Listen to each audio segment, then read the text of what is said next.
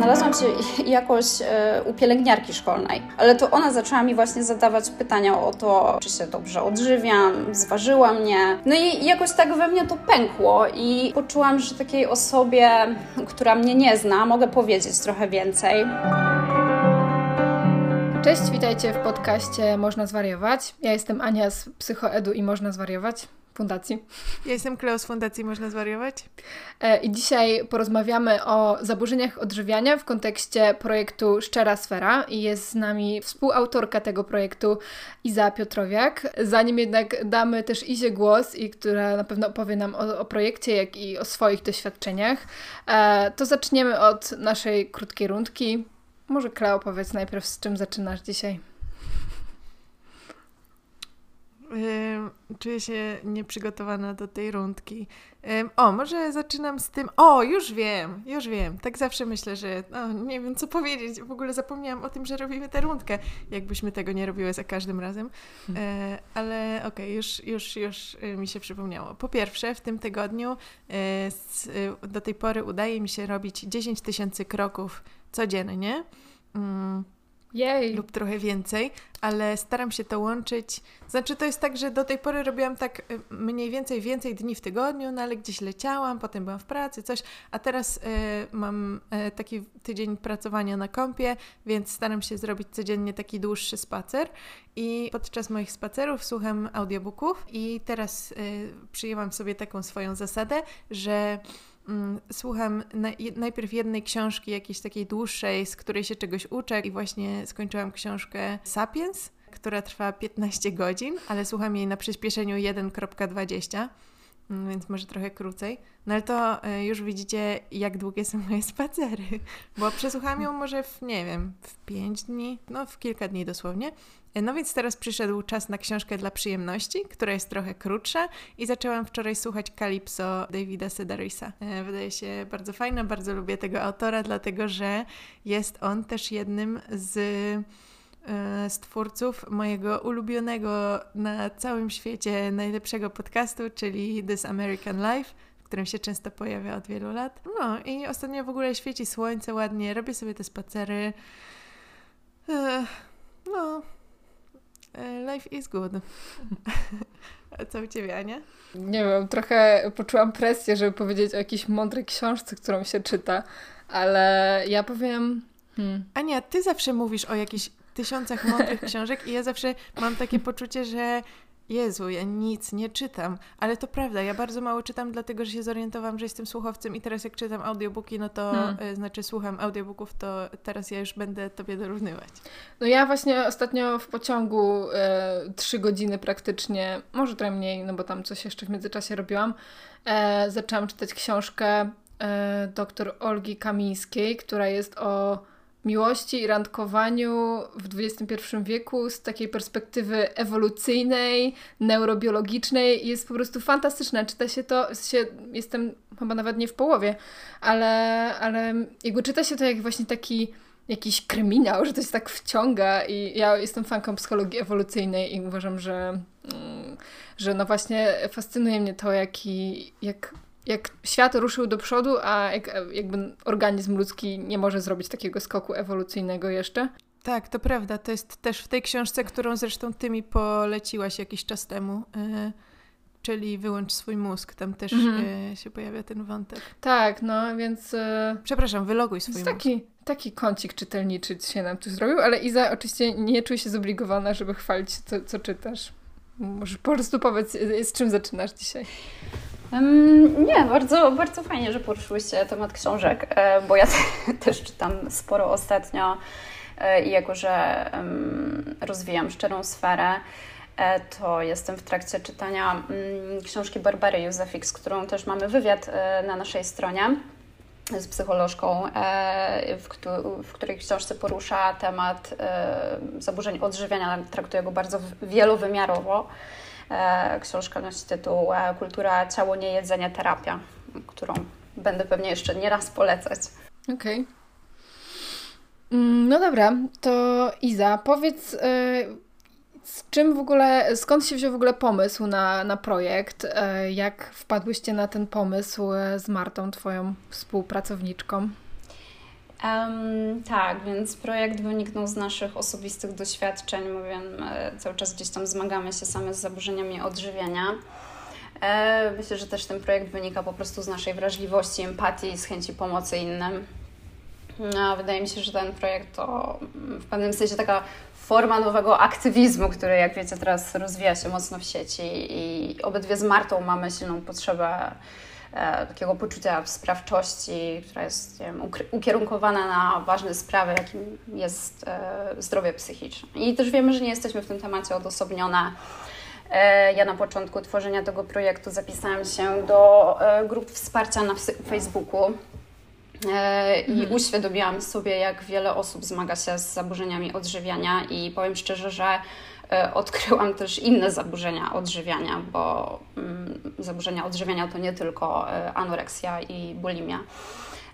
I to, że właśnie mogłam spotkać tyle osób e, na tych grupach wsparcia, to, to jest jedna rzecz, ale uświadomiłam sobie też, że są osoby, które tak naprawdę e, siedzą w ukryciu, bo mają duże poczucie wstydu, więc nie chcą tak naprawdę się mhm. podzielić e, ze swoimi doświadczeniami na forum. Mhm. No właśnie, a jak wyglądają takie grupy wsparcia? Bo ja kojarzę jeszcze takie e, fotoblogi, czy jakieś właśnie e, blogi, fanpage, nie fanpage, bo to było dawno, e, ale jakieś miejsca w przestrzeni internetowej, w której, w której właśnie bardziej szły w tą toksyczną stronę takiego mhm. wspierania się w tym, kto ile, jak mało zjadł. Mhm. Głównie były to blogi anorektyczek, które no właśnie jakoś um, ciężko powiedzieć, że się motywowały czy inspirowały, ale raczej gdzieś wzajemnie się bardzo negatywnie nakręcały. W ogóle ten internet sprzed social mediów wydaje mi się, że miał dużo bardziej taki właśnie negatywny jakiś charakter i przede wszystkim, że on się skupiał na um, takich odosobnionych jednostkach, które dzieliły się tym jakimś swoim trudnym przeżyciem, ale który też był te, taki toksyczny albo na, nawołujący wręcz y, sposób przedstawiony, a teraz to dużo się mówi o social mediach w takim negatywnym kontekście, jeśli chodzi o zdrowie psychiczne, to jednak właśnie pojawiają się te wszystkie grupy wsparcia, nie? Y, że, że, że przeszło to trochę jakby na drugą stronę. Tak, mhm. zdecydowanie. Kiedyś bardzo y, gdzieś tam w sieci się rozwijały tak zwane, i to pewnie to o czym mówisz, Ania, y, blogi pro-Ana, czy nawet fora mhm. pro-Ana. Tak. tak. tak, dokładnie, motylki. Tak. Tak, natomiast ja na te mm, grupy wsparcia trafiłam przez przypadek. Ja w ogóle nie wiedziałam, że takie grupy istnieją na Facebooku. I trafiłam, trafiłam na taką grupę prowadzoną przez e, psychodietetyka.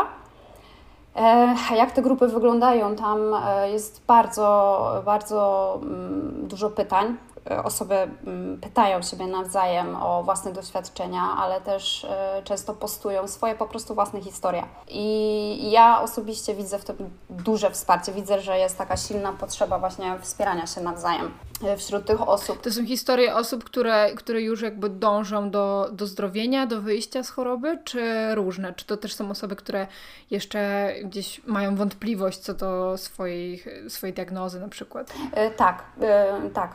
Również również takie osoby, które się zastanawiają, czy to może być zaburzenie odżywiania, ale takie, które też e, są, e, są w trakcie choroby, są w trakcie leczenia. Są tam też czasami głosy rozpaczy wręcz e, i takiego szukania pomocy.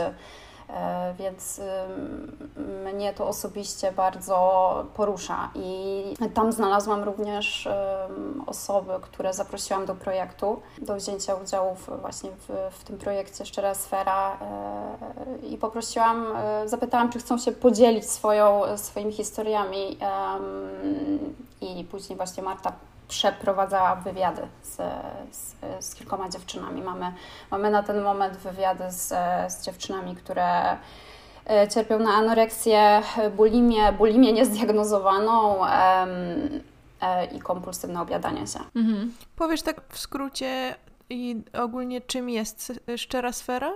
Dla osób, które jeszcze nie sprawdziły przed odsłuchaniem tego podcastu? Jasne. E, Szczera Sfera to projekt edukacyjny poruszający temat zaburzeń odżywiania, ale też skomplikowanych relacji człowieka z jedzeniem.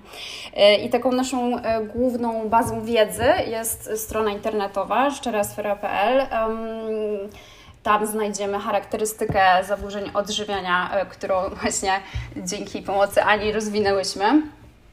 Znajdziemy tam też wywiady ze specjalistami, historie chorujących, znajdziemy też sferę pomocy Y, gdzie opisujemy takie podpowiedzi, jak pomagać osobom, które się zmagają z zaburzeniami odżywiania, ale też jak dbać o siebie. Tak, więc zależało nam, żeby stworzyć taką przestrzeń rzetelnych informacji Mm, i też opisać e, ją z mm, różnych punktów widzenia. No i do tego jeszcze prowadzimy Instagram edukacyjny. A wspomniałaś że na tej grupie dowiedziałaś się o innych zaburzeniach odżywiania niż takie potocznie znane. I też pamiętam, jak na etapie jeszcze tworzenia koncepcji projektu rozmawiałyśmy wspólnie z Martą i zastanawiałyśmy się, które z tych zaburzeń też pojawiających się w podręcznikach diagnostycznych powinny się znaleźć, e, a które jakoś nie są zbyt częste, które, na których może nie warto się skupiać. E, I faktycznie tych zaburzeń jest zdecydowanie więcej niż e, te dwie najbardziej znane, plus już trzecie, kompulsywne obiadanie się też e, jest coraz no, coraz częściej się o nich mówi. Co, czego się dowiedziałaś na etapie też tworzenia tego projektu? Co Cię zaskoczyło? Mm, bardzo dużo osób, których historię um, czytałam, Mam też taki problem z, z, własnym, z, z, z własnym wizerunkiem, e, co też może być jakby przyczyną e, dysmorfofobii, którą też umieściłyśmy na naszej stronie. E, I dysmorfofobia właściwie nie jest klasyfikowana jako zaburzenia odżywiania, ale może być ściśle związana z nieprawidłowym obrazem własnego ciała, co z kolei też może prowadzić do bigoreksji, o której również nie wiedziałam. No, to właśnie jest trochę sedno tej, tej sprawy, że tych nazw nagle okazuje się, że jest tyle, e, że tak naprawdę to szufladkowanie się jest też w pewnym momencie ograniczone bo e, ktoś może właśnie mm, przeżywać zupełnie atypowe zaburzenia odżywiania i tak jak właśnie ostatnio e, miałam zajęcia z zaburzeń odżywiania na swojej szkole psychoterapii, e, dostawaliśmy takie mm, opisy przypadków do przeanalizowania, do takiego wstępnego rozpoznania, e, to okazywało się, że, że bardzo ciężko jest e, jednoznacznie powiedzieć, czy to jest anoreksja, czy to jest bulimia, e, czy to jest w ogóle obiadanie się, że te różne epizody się często jakoś e, zazębiają. E, czasami bywa tak, że jakieś e, epizody mm, wymiotów, czy, czy właśnie e, o, przeczyszczania e, pojawiają się gdzieś na początku i potem nie wiadomo, czy i jak to klasyfikować. E, no ale oprócz tego też na, na szczerej sferze, oprócz tej trójcy najczęstszych e, znalazły się właśnie mm, ortoreksja, którą też e, miałyśmy wątpliwość, czy, czy umieszczać, bo nie jest oficjalnie uznana jako zaburzenie odżywiania w żadnej z klasyfikacji. E, I z tego co wiem, też raczej nie będzie, nie ma takich planów. Z takich ciekawostek właśnie dowiedziałam się też, że mm, w tej klasyfikacji ICD-11, która wejdzie w życie dopiero w 2022 roku, e, prawdopodobnie, e, będzie takie właśnie zaburzenie mm, nieskwal... Mm, nie pamiętam, to jest jakaś strasznie długa nazwa, której e, skrótem jest AFRID po angielsku i to, jest, to chodzi o takie zaburzenia właśnie mieszane, ciężkie do określenia, diagnozy, ale z pewnością jakby nie nie są wywołane jakąś chorobą somatyczną, e, kiedy na przykład, nie wiem, pojawia się niemożliwość jedzenia z powodu na przykład, nie wiem, białaczki, czy, czy jakieś wymioty z tego powodu. E, jest to przede wszystkim, e, no, powoduje cierpienie psychiczne i jest ta zaburzona relacja z jedzeniem. Mm, natomiast ortoreksja, myślę, że stała się jakimś takim modnym tematem, tak samo jak modne stały się właśnie wszelkie diety, czyste jedzenie, zdrowe e, i, i jakby w, w, każdym momencie, kiedy coś staje się taką modą, może jakby to, takie zachowanie może też stać się e, jakąś, e, jakąś formą obsesyjnego myślenia o nim. Nie wiem, co, co wy uważacie, na, czy w ogóle spotkałyście się z jakoś z tym terminem? Iza, pewnie tak. Mm, tak. To, Kleo jest zamyślona. Tak, zaburzenia odżywiania mocno dotyczą jakby takiego obsesyjnego myślenia e, o swoim ciele i też a propos właśnie tej bigoreksji może teraz powiem, że to jest związane z dysmorfofobią, e, ale to jest taka obsesja e, na punkcie tego, jak nasze, jak bardzo nasze ciało jest umięśnione i to się bardzo często spotyka u sportowców, takie mhm. zaburzenia. A propos ym, tej obsesyjności, o której powiedziałaś, Ania, ja obserwując moją siostrę, która zmaga się z zaburzeniami odżywiania od już jakichś dobrych 10 lat yy, i wielokrotnymi hospitalizacjami, doszłam do takiego wniosku, że no jak bardzo mm, zaburzenia odżywiania są jakoś blisko i podobne do, do uzależnień jak podobny to ma charakter, jak bardzo nie możesz się z tego wydostać i jak bardzo obsesyjnie y, myśli się po prostu. Akurat tym wypadku nie o przyjmowaniu jakiejś substancji czy robieniu czegoś, tylko właśnie nie robieniu czegoś, ale jednocześnie to całkowicie pochłania Twoją głowę. Powiedziałabyś, Iza, że można to tak określić? W ogóle chciałabyś nam opowiedzieć, jak to było w, w Twoim przypadku? Tak, ja myślę, że mm, paradoksalnie jakby bardzo się dużo mówi w, o poczuciu kontroli osoby chorujące i, i ja też gdzieś tam mam takie silne poczucie, że muszę kontrolować to, ile zjadłam.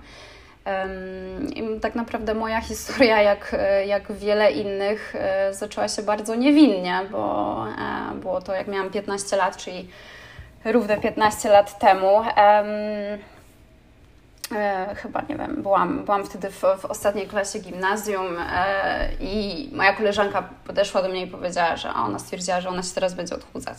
I pamiętam, że wtedy jakby tego samego dnia miałam chyba zjeść jakieś ciastko i wtedy je wyrzuciłam do śmietnika. Powiedziałam, a dobra, no to w sumie, wiesz co, ja też się zacznę odchudzać, więc to było bardzo niewinne. Założyłam sobie taki kalendarz, w którym spisywałam, co zjadłam i jaki jest mój cel. I pojawiła się w tym wszystkim też rywalizacja między nami. Z tym, że miałyśmy kompletnie inną budowę ciała. Ja byłam w ogóle wyższa i to właściwie było trochę bez sensu, ale, ale tak to się stało samoistnie, że zaczęłyśmy rywalizować o to, która y, szybciej schudnie. I wydaje mi się, że jakby ten y, otoczenie i ta cała sytuacja y, było takim bodźcem wyzwalającym e, moje zaburzenia. E, natomiast komentarze, z jakimi się spotkałam e, ze strony rodziny, czy inwazyjne komentarze nauczycieli, e, mm, to jakby było takim mechanizmem podtrzymującym te zaburzenia. Tak naprawdę nie dostałam mhm. nigdy jakiejś takiej mm, pomocy wprost. Raczej była taka próba. Czy to była bardziej aprobata? Czy... Masz na myśli komentarze, że y, w którą stronę? Mm, bo trochę nie zrozumiałam. No to jeżeli chodzi o, o, o, komentarze ze strony, ze strony rodziny, to były takie, że ja sobie to wszystko wymyślam, że, że to jest jakiś taki mój kaprys, że to jest przejaw buntu, że mi przejdzie. Um, tylko, że później jak, jak była taka sytuacja, kiedy już e, no, bardzo straciłam na wadze, to to też mój tata powiedział do mnie, że mam to na własne życzenie, że za dużo się naoglądałam gazet, reklam i że mam głupie koleżanki, co było tak naprawdę bardzo krzywdzącym uproszczeniem. E, I uważam, że takie komentarze od bliskich szczególnie e, później są dobrą pożywką dla wewnętrznego krytyka. Mm, dokładnie, szczególnie, że no nie jest to tak, że w każdym momencie możesz przestać i tak jak nie możesz zamknąć gazetę czy ją wyrzucić, tak nie, nie przestaniesz e, kontrolować tego, e, co jesz, bo to się ciągnie latami. Tak, zdecydowanie. No właśnie, tak jak mówiłam o tym podobieństwie do uzależnienia, że to jest tak, jakbyś komuś powiedział, to teraz przestań przestań pić alkohol, przestań brać narkotyki, to jak wiadomo, to nie jest wszystko takie proste i od ręki. I no to, to, o czym mówisz w ogóle, o komentarzach, ja, ym, ja myślałam, że powiesz o tym, że na przykład komentarze ze strony rodziny i nauczycieli na temat Twojego wyglądu po, podsycały jeszcze bardziej, że nie wiem, jeszcze bardziej chciałaś to kontynuować, czy coś takiego. Natomiast to, o czym mówisz, to jest coś, co ja znam z tej drugiej strony, czyli ze strony rodziny. I widzę, że jakby y, na, na przestrzeni wielu lat, yy, nie chcę też tak mówić o mojej siostrze, bo jakby z tej takiej perspektywy, bo ona by mogła sama to powiedzieć, nie? Ale myślę, że mogę to powiedzieć z, z perspektywy rodziny osoby z zaburzeniami odżywiania, że to jest, to jest chyba jednak jedna z najbardziej frustrujących i trudnych rzeczy w całym moim życiu, to jak bardzo chciałabym jej pomóc i jak podejmowałam już wszystkie, wszystkie jakby w każdą stronę podejmowałam jakieś działania i nic nie działało. I od tych różnych form wsparcia i głaskania i jestem tu dla ciebie i takiego łagodnego podejścia po postawę, w której cokolwiek, jakakolwiek zachcianka, cokolwiek, wszystko było spełnione, po taką frustrację i uznanie, że ale może to to jest tak, że my po prostu jej dajemy to wszystko i, i ona się czuje ym, wygodnie w tej sytuacji, więc nie czuje potrzeby, żeby coś zmienić, to może trzeba nią potrząsnąć i może trzeba nią jakoś, jakoś ją tak bardziej y, nie chcę powiedzieć w agresywny sposób, bo to nie, w ogóle nie o to chodzi, ale że w jakiś takim bardziej no w jakiś taki bardziej mocny sposób do niej przemówić, żeby ona sobie zdała sprawę z tego, co się dzieje, bo jak tak ją głaszczemy i że wszystko będzie dobrze, to jakby to nic się nie zmienia, to może trzeba nią jakoś potrząsnąć. Z perspektywy czasu ja już robiłam wszystko, ja już zrobiłam nawet w zeszłym roku, przygotowałam plan na 10 stron, że tam na 5 stron, e, w którym rozpisałam wszystko, e, co ona powinna zrobić, jakby numery te, do specjalistów i tak dalej. I wydaje mi się, że jak czytałam historię innych e, osób wychodzących z zaburzenia odżywiania, to najgorszym jest to, że nie ma żadnej takiej jednej drogi, która by pomogła każdemu i, i żadnej jednej takiej konkretnej ścieżki, którą można by pójść, będąc y, rodziną, czy będąc osobą wspierającą osobę z zaburzeniami odżywienia w jej zdrowieniu? Mhm, myślę, że mm, tutaj właśnie była zupełnie inna sytuacja, bo z tego co mówisz, to e, bardzo się zaangażowaliście w to. I mówiąc o tym, że, że gdzieś tam te relacje w rodzinie były tym mechanizmem podtrzymującym, miałam na myśli to, że po prostu ja tego wsparcia e, nie dostałam. Słyszałam raczej negatywne komentarze. E, które po prostu jeszcze bardziej wprowadzały mnie w takie poczucie, że coś jest ze mną nie tak e, i po prostu czułam się bardzo samotna w tym. A, jeszcze mówiłaś o takich komentarzach e, w szkole, czy, czy to, tam jakoś ktoś wykazał jakieś zainteresowanie, że coś może się dziać, szczególnie, że mówiłaś też o, o koleżance i to, mm, to chyba jest też tak często, że, że to środowisko nawet nie takie globalne, gdzie właśnie jest jakiś przekaz z gazet e, czy z tych blogów, tylko często to środowisko takie jeden na jeden ma bardzo taki toksyczny wymiar dla mm, rozwijania się zaburzeń odżywiania. Czy jakoś w tym systemie szkolnym to było rozwiązane? Mm, niestety nie i, i tutaj bardzo ubolewam nad tym, bo właściwie to były tylko takie komentarze e, ze strony nauczycieli e, na forum klasy. Czyli nie zostałam gdzieś zabrana i poproszona na jakąś rozmowę twarzą w twarz, jeden na jeden z nauczycielem. Um, nikt nie wyraził takiej jakiejś troski realnej czy, czy, czy realnej chęci pomocy. Tylko były to takie komentarze typu jak, ja, jak ty wyglądasz. E, pamiętam, że mm, gdy mocno schudłam, dosyć, dosyć e, miałam ten spadek wagi bardzo, bardzo duży, bo to było chyba e, z 15 kg w, w dwa miesiące, więc mm, było mi pod koniec już bardzo zimno i przez to miałam czerwony nos co stało się później moim kompleksem, ponieważ moja wychowawczyni postanowiła e, skomentować to tak, że wyglądam jak indyk. E, I powiedziała to na forum mm, klasy i później, no niestety, ale osoby z mojej klasy to przejęły i, i gdzieś tam słyszałam takie przyzwiska, więc tak na dobrą sprawę, jak się zastanawiałam nad tymi komentarzami, bo teraz też mówi się o tym, e, czego nie powinno się mówić osobom zmagającym się z zaburzeniami odżywiania. Ja myślę, że podczas tych 15 lat zebrałam po prostu cały wachlarz e, takich e, krzywdzących komentarzy, jakie można usłyszeć z otoczenia. Mhm. Ale z drugiej strony, czy Twoje otoczenie miało świadomość Twoich zaburzeń odżywiania?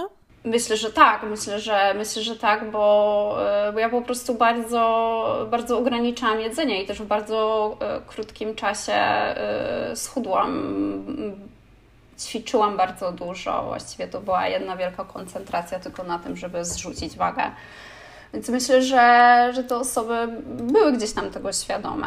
Mhm, bo ja też sobie myślę o tym w taki sposób, że, że właśnie niekoniecznie musiały być tego świadome, bo to wszystko, co robiłaś, w pewnym sensie, no jakby działo się, robiłaś to sama, no nie? A e, też dlatego bardzo często te zaburzenia odżywiania są odkrywane przez rodziny czy psychologów szkolnych już na takim poziomie bardzo dużego zaawansowania, wręcz zagrożenia życia związanego z bardzo, bardzo małą masą ciała, która zagraża życiu, no nie?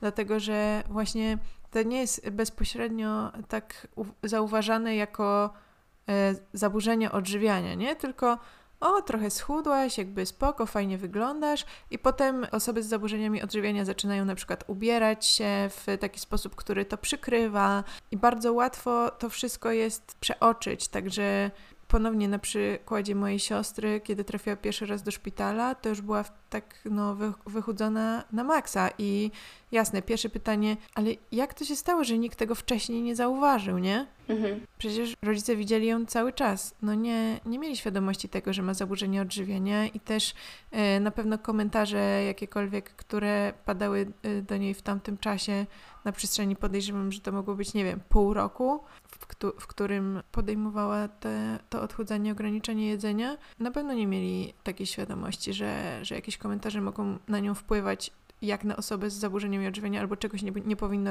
mówić osobie z zaburzeniami odżywiania, bo pierwsza jakakolwiek edukacja w tym zakresie e, to była po jej pierwszej hospitalizacji, kiedy wszyscy w domu e, jako lekturę obowiązkową przeczytaliśmy Dietę Nieżycia Karoliny Otwinowskiej. Niektórzy kilkukrotnie. Mhm. Mi się też wydaje, że jednak no, ten brak jakichś podstaw i świadomości, jaką jeszcze kiedyś była oczywiście jeszcze większa, jest tutaj sednem sprawy, no bo ciężko mhm, rozpoznać, dokładnie. że to może być jakaś, jakieś zaburzenie odżywiania. Jeśli się jedynie, jedyne takie przekazy, jakie się miało, to były jakieś anegdotyczne historie, tak, że tam, nie wiem, córka sąsiadki to kiedyś tam miała, e, albo przekazy o modelkach właśnie jakichś telewizji, e, czy, czy jakichś, e, nie wiem, no, celebrytkach, a, a nie było to roz, jakby traktowane jako coś, co może być w naszym bliskim otoczeniu. Mm, I też zastanawiam się. Wiecie, co jest jeszcze ciekawe, co, z czego zdałam sobie sprawę jakiś czas później już.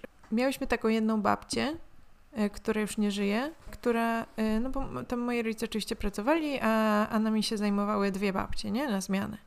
I jedna babcia, ja byłam, jak byłam dzieckiem, to byłam no tak bardzo, bardzo szczupła zawsze i też byłam niejadkiem. I moja babcia, potem mi się to przypomniało, mówiła do, do mnie, wyglądasz jak anorektyczka. I to hasło anorektyczka pojawiało się u nas w domu już od mojego bardzo młodego wieku. I ja sobie w ogóle z tego nie zdawałam sprawy. W sensie, okej, okay, to oznaczało, że po prostu, nie wiem, że jestem chuda i tam whatever. Nie wiem, nie zwracałam na to uwagi, nie? Aż do momentu, w którym moja siostra zachorowała na anoreksję i, i sobie to przypomniałam.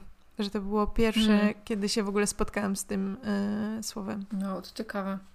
No. Też tak zastanawiam się, oczywiście tutaj no, ciężko mówić bez obecności Twojej siostry o tym, ale na ile właśnie to mogło mieć też wpływ jakiś na nią, taki, taki przekaz gdzieś e, e w Twojej rodzinie. Porównywanie, nie?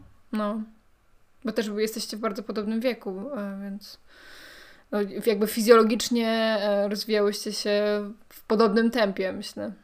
I jeszcze widzisz, to było zawsze mówione do mnie jako coś negatywnego. Zobacz, jak Ola ładnieje, a ty wyglądasz jak anorektyczka. Mhm. I wiesz, i, więc to było zawsze pokazywane w takim negatywnym świetle, a Ola, że super, no. No tak, ale jednak mm, ten przekaz jakiś medialny pokazuje, że jednak chude osoby jej.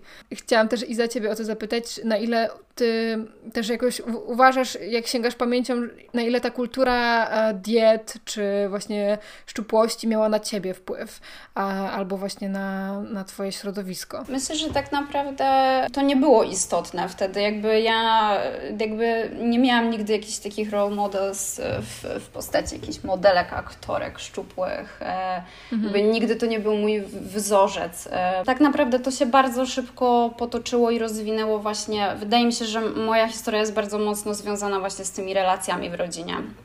I też, mhm. I też z tym, w jaki sposób u mnie w rodzinie postrzegano siebie nawzajem i postrzegano swój własny wygląd. Komentarze, które, które względem siebie komunikowaliśmy, czy, czy komunikowali moi rodzice. Mhm. które często też były krzy, krzywdzące.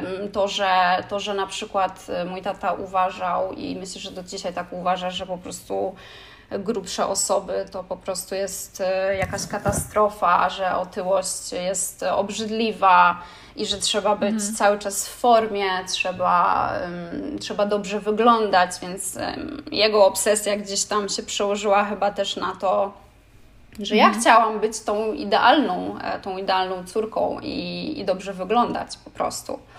Co w mhm. pewnym sensie też e, jakby po czasie później stało się mm, przyczyną jakiegoś takiego mojego wstydu, bo uważam, że to w dużej mierze jest próżne i tak naprawdę są ważniejsze rzeczy na, na świecie niż to, ile ty ważysz.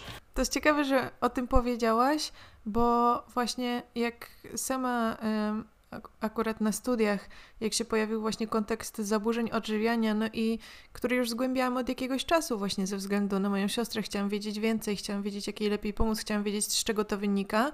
E, I w, i w jednej książce właśnie dotarłam do e, tego wątku, który mówił o tym e, właśnie, że zaburzenia odżywienia są bezpośrednio e, w jakimś takim dużym stopniu, typu tam wiesz, no nie chcę teraz przytarzać e, statystyk, bo, bo ich nie pamiętam, ale że w, jakiś, w jakimś takim dużym stopniu są skonotowane albo z relacjami właśnie w rodzinie, albo często też z molestowaniem seksualnym, a mm, pomyślałam sobie o tym, jak często w mediach czy mm, w różnych miejscach pojawia się ten wątek tego, że że właśnie przekaz medialny, który promuje szczupłość, e, mhm. właśnie tak wpływa na młode dziewczyny, nie? Taki, w taki powierzchowny sposób jest to przedstawiane i tak naprawdę na przestrzeni lat, czy podczas swojej własnej hospitalizacji, gdzie e, oczywiście na Sobieskiego jest e, bardzo duży bardzo dużo osób przy, przyjmowanych z zaburzeniami odżywiania, więc tam, czy, po, czy podczas, y, nie wiem, pracy modelki, czy podczas spotykania osób, mam też przyjaciółkę, która ma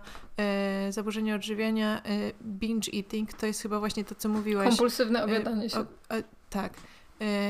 To ona była jedyną osobą na przestrzeni tego całego czasu, jak miałam do czynienia jakiekolwiek z osobami z zaburzeniami odżywiania, która mi powiedziała, że, że jej zaburzenia odżywiania wynikają bezpośrednio z tego, medialnego przekazu i kultu szczupłości. I ona nie ma wątpliwości, że to jest to.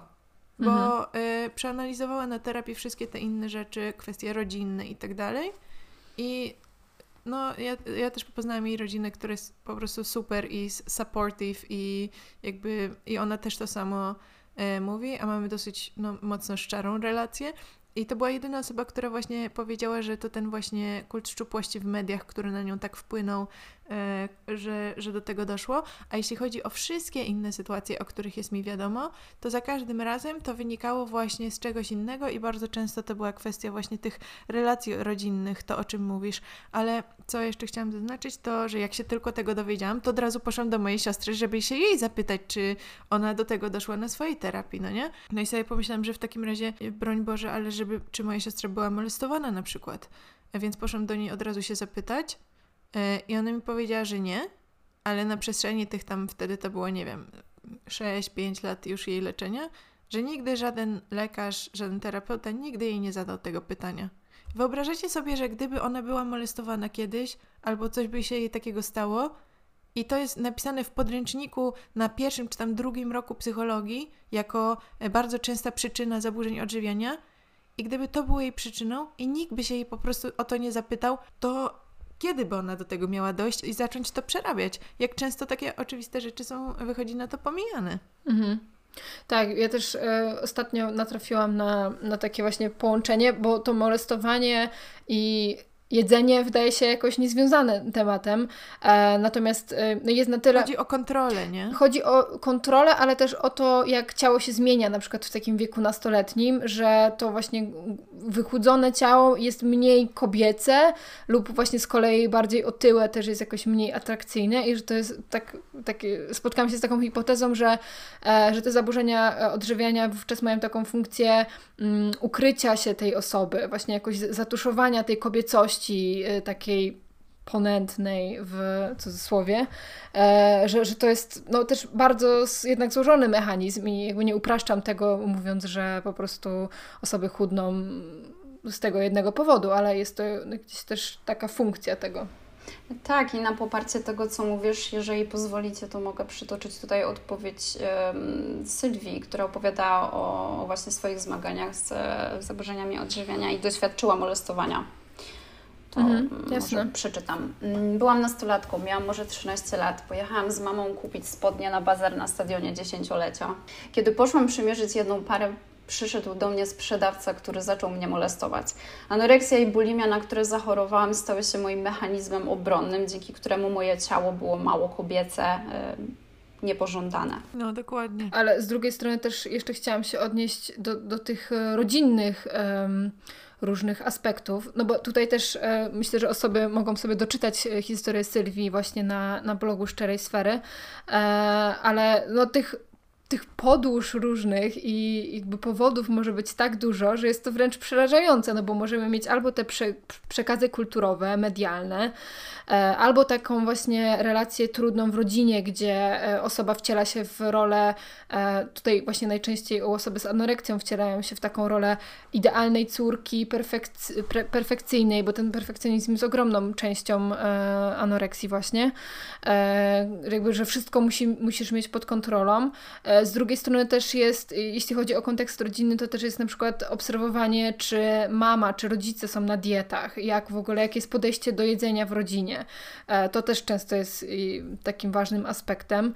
E, no albo tak jak Iza przytoczyłaś historię e, z, z bloga, że mm, no, taka chęć ukrycia się i, i zatuszowania jakiejś swojej kobiecości, która jest w pewien sposób zagrażająca. Tak, zdecydowanie. Ja właściwie ostatnio się zastanawiałam, co tak na, naprawdę najbardziej wpływa na, e, na występowanie zaburzenia odżywiania. Czy to jest właśnie ta kultura diet, e, kultura szczupłości, czy to są relacje rodzinne, jakby z mojego punktu widzenia wydaje mi się to bardzo płynne i nie ma w tym zasady.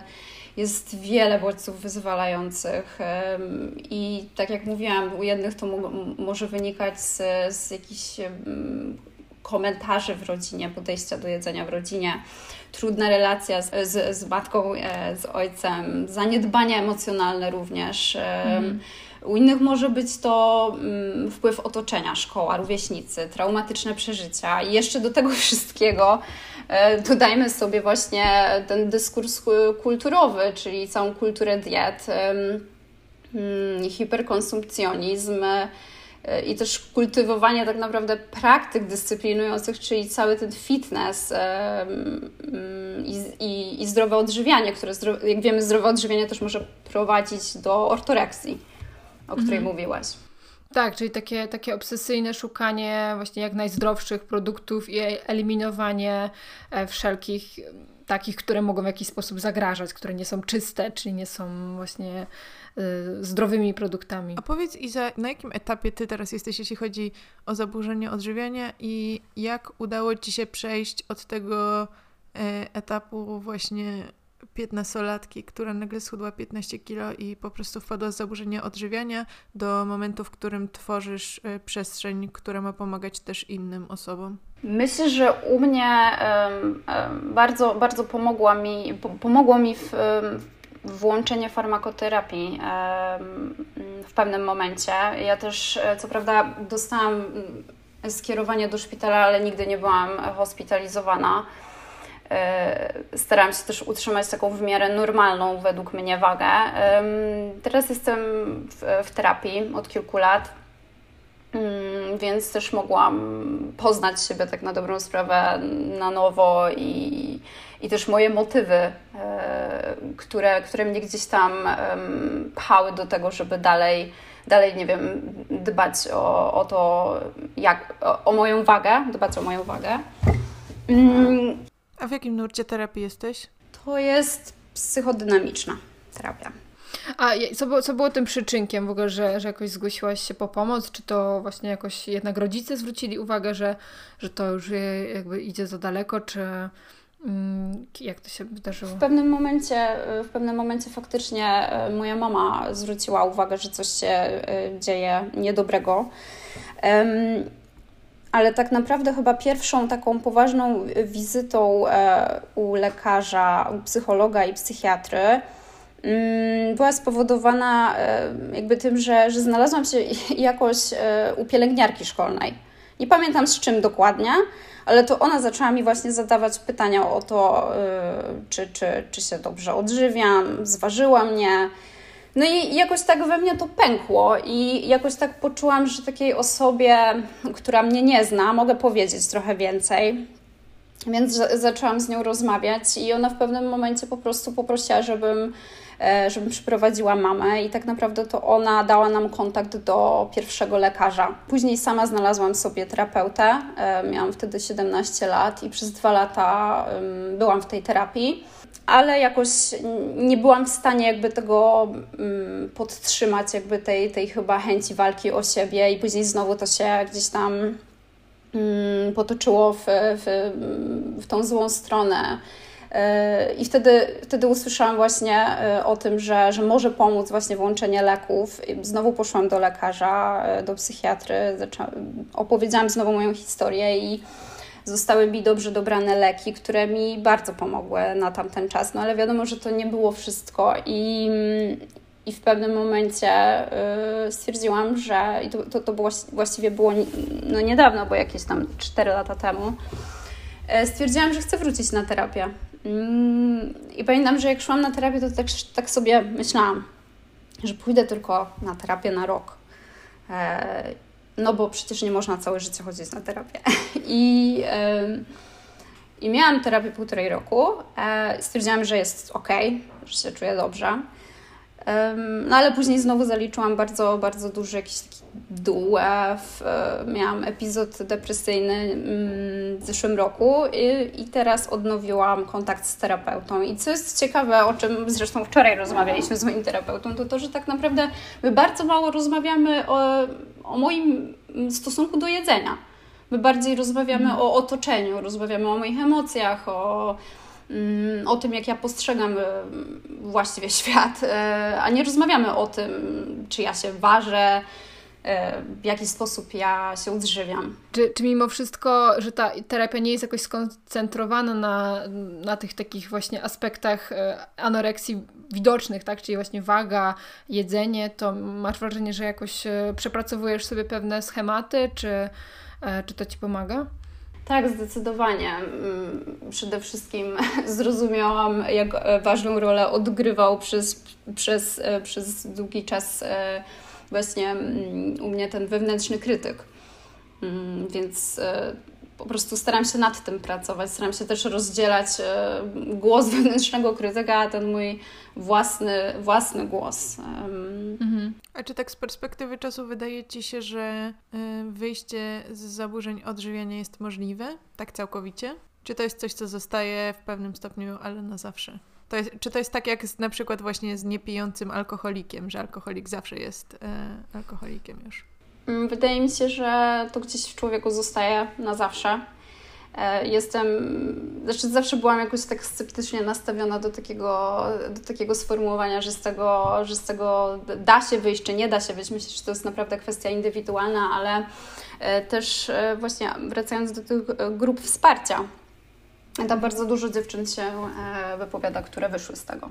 Tak, które, które już założyły rodziny, urodziły dzieci, bo to też jakby. Mm, w pewnym sensie ma, ma takie znaczenie, że takie nawet, bo tutaj w zaburzeniach odżywiania gdzieś jednak ta fizjologia też odgrywa dużą rolę, po prostu często dziewczyny tracą, e, przestają miesiączkować. E, I na przykład ostatnio przeczytałam taką historię dziewczyny, która bardzo chce z tego wyjść, bo ona marzy o dziecku nie jest w stanie zejść w ciążę w, takiej, w, te, w takim stanie, w jakim jest teraz. Tak, też każdy, każda osoba, każda kobieta ma trochę inny próg takiej właśnie wagi, w która wchodzi um, jakby już w to normalne funkcjonowanie też układu rozrodczego. Też pamiętam, rozmawialiśmy o tym ostatnio na zajęciach i ten... Um, ta kwestia pojawienia się miesiączki, zaniku miesiączki jest dyskusyjna i jest część specjalistów, która uważa, że nie powinno się patrzeć pod tym kątem, no bo też co z mężczyznami, którzy też chorują e, w mniejszym stopniu, ale też chorują na zaburzenia odżywiania. Natomiast e, akurat prowadząca, która prowadziła nam te zajęcia, była psychiatrką dzieci i młodzieży, mówiła, że to jest dla niej po prostu taki sygnał, że, te, że osoba też zdrowieje, że nie ma jakiejś takiej jednej określonej wagi, czy właśnie nawet to e, BMI nie jest taką, mm, nie jest idealnym jakby wskaźnikiem, który, który powie, że już jest ok, e, że często ta miesiączka jest takim oznakiem, że dla, od organizmu, że e, mogę poświęcić moją energię na mniej e, istotne pod tym względem, że jakby nie... Nie, e, nie niezbędne do życia procesy. Tak, dokładnie, że, że mogę włączyć jakby kolejny jakiś tam e, moduł w, w tym organizmie. E, no i dla niej to jest taki sygnał, że, że faktycznie już jest lepiej. I dla każdego to będzie inna, inna waga, tak? No bo są osoby po prostu z natury szczupłe, które przecież miesiączkują naturalnie e, i, dla innej osoby e, taka po prostu tendencyjna szczupłość będzie już e, za niską wagą, żeby organizm jakoś naturalnie funkcjonował, bo mają na przykład e, ten słynny gen otyłości, który sprawia, że no po prostu potrzebują być tęższe. I jakby dlatego dążymy do e, akceptacji wszystkich osób bez względu na wagę, bo to nie jest coś, nad czym po prostu mamy kontrolę. To jest czasami faktycznie wbudowane w naszą nasz organizm, nasze geny i nie jesteśmy w stanie wszyscy być szczupli, no bo, bo część osób byłaby po prostu niezdrowa przez to. Tak, to prawda. Myślę, że też w ogóle bardzo dużo mitów krąży wokół zaburzenia odżywiania, tak jak powiedziałaś, to może być różne BMI. E, tak naprawdę myślę, że, że zaburzenia odżywiania nie mają jakiegoś określonego wyglądu e, i też nie mają określonej płci, bo też wiem, że są przypadki mężczyzn i chłopaków, którzy chorują. O, ja byłam na oddziale z chłopakiem, z, tak, który miał anoreksję. Mhm. A to było 8 lat temu. Nie, no jasne, jest, jest całkiem duża grupa e, mężczyzn, chłopaków, którzy chorują. Natomiast no, jest to dużo bardziej rzadkie i w zasadzie no, też ciekawe, dlaczego tak się dzieje, ale to już ko kolejny bardzo szeroki wątek. A myślisz, Iza, że patrząc z takiej perspektywy, no tak jak mówisz, 15 lat, czy teraz już mądrzejsza o te wszystkie informacje i no i o perspektywę i o terapię i o leczenie, czy myślisz, że wtedy, kiedy miałaś 15 lat i byłaś w tej sytuacji, kiedy twoja koleżanka zaczęła się odchudzać i ty zaczęłaś y, wchodzić z nią w tą rywalizację, czy myślisz, że gdyby coś lub ktoś pojawił się w tamtym momencie, to mogłoby cię ustrzec przed y, popadnięciem w te zaburzenia odżywiania? Mm, myślę, że tak. Myślę, że, że tak. Gdybym miała jakąś taką jakieś wsparcie od, od starszej osoby po prostu, która też ma um, jakąś wiedzę, e, czy, czy w ogóle wykazuje jakąś troskę. Mm, myślę, że na pewno w ogóle zwróciłabym uwagę na to koleżance, tak, że, że chciałabym się dowiedzieć, dlaczego zdecydowała się odchudzać. E, a nie po mhm. prostu tak bezwiednie dołączyć do tego. Czyli po prostu sieć wsparcia i e, jakaś e, szczera sfera, do której po prostu można się odnieść.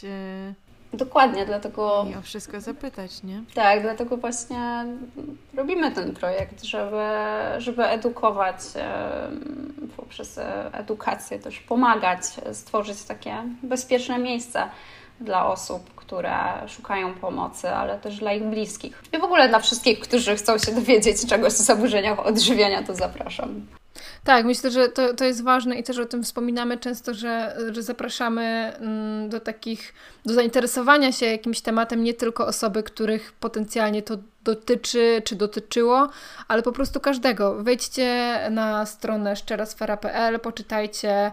E, jest wszystko w ogóle bardzo przejrzyście i to zasługa właśnie Izy e, wytłumaczone. Mm, jest sfera dla bliskich osób, osoby chorującej, jest sfera dla osoby chorującej, ale też e, po prostu zainteresujcie się tematem, bo bo nigdy nie wiecie, kogo z waszego otoczenia to dotknie. No. Ja myślę, że mówimy to po raz kolejny, ale po prostu zwracajmy na siebie uwagę o rany, jakie to jest ważne. Nie? Żeby po prostu zwracać uwagę na siebie, na osoby sobie bliskie i żeby wyłapywać jakieś takie rzeczy, które mogą być potencjalnie niebezpieczne, a może w ogóle nie będą niebezpieczne, ale jak masz takie poczucie, że coś się dzieje i ktoś zwrócił na ciebie uwagę, bo mu na tobie zależy, to chyba wszystko w ogóle zmienia. Tak. Mm, Jeśli będziecie chcieli i chciały pogadać z nami o zaburzeniach e, odżywiania, to jak co tydzień po emisji tego odcinka w czwartek lub piątek robimy pokój na Clubhouse'ie. E, Bardzo serdecznie Was zapraszamy. E, Może Iza będziesz miała ochotę do nas dołączyć. Jasne. Myślę, że byłoby fajnie. Tak, Mm. i jeśli macie jakieś e, swoje historie, którymi chcecie się podzielić, to oczywiście możecie pisać do nas na podcast małpa-można-zwariować.pl, e, ale też do szczerej sfery. Mm, Myślę, że dziewczyny też zbierają wszelkie e, feed, feedback na temat mm, tego projektu, ale też powiedz Iza, czy, czy jakoś z Wami można się skontaktować. Tak, można do nas pisać na Instagramie, można do nas wysłać maila na szczerasfera.pl. Także zapraszamy, jeżeli ktoś ma taką potrzebę, chce się podzielić swoją historią, um, zapraszamy. Super. Bardzo Ci dziękujemy Iza za podzielenie się też swoimi doświadczeniami. To jak wiemy nigdy nie jest łatwe, żeby jakoś mówić do nie wiadomo kogo tak naprawdę o swoich doświadczeniach. E, więc e, dzięki za Twoją odwagę e, i za to, że opowiedziałaś i, i że w ogóle współtworzysz ten projekt, który jest myślę, że bardzo cenny. Dzięki dziewczyny za zaproszenie. Dzięki. A do Was. Pa! Pa! pa.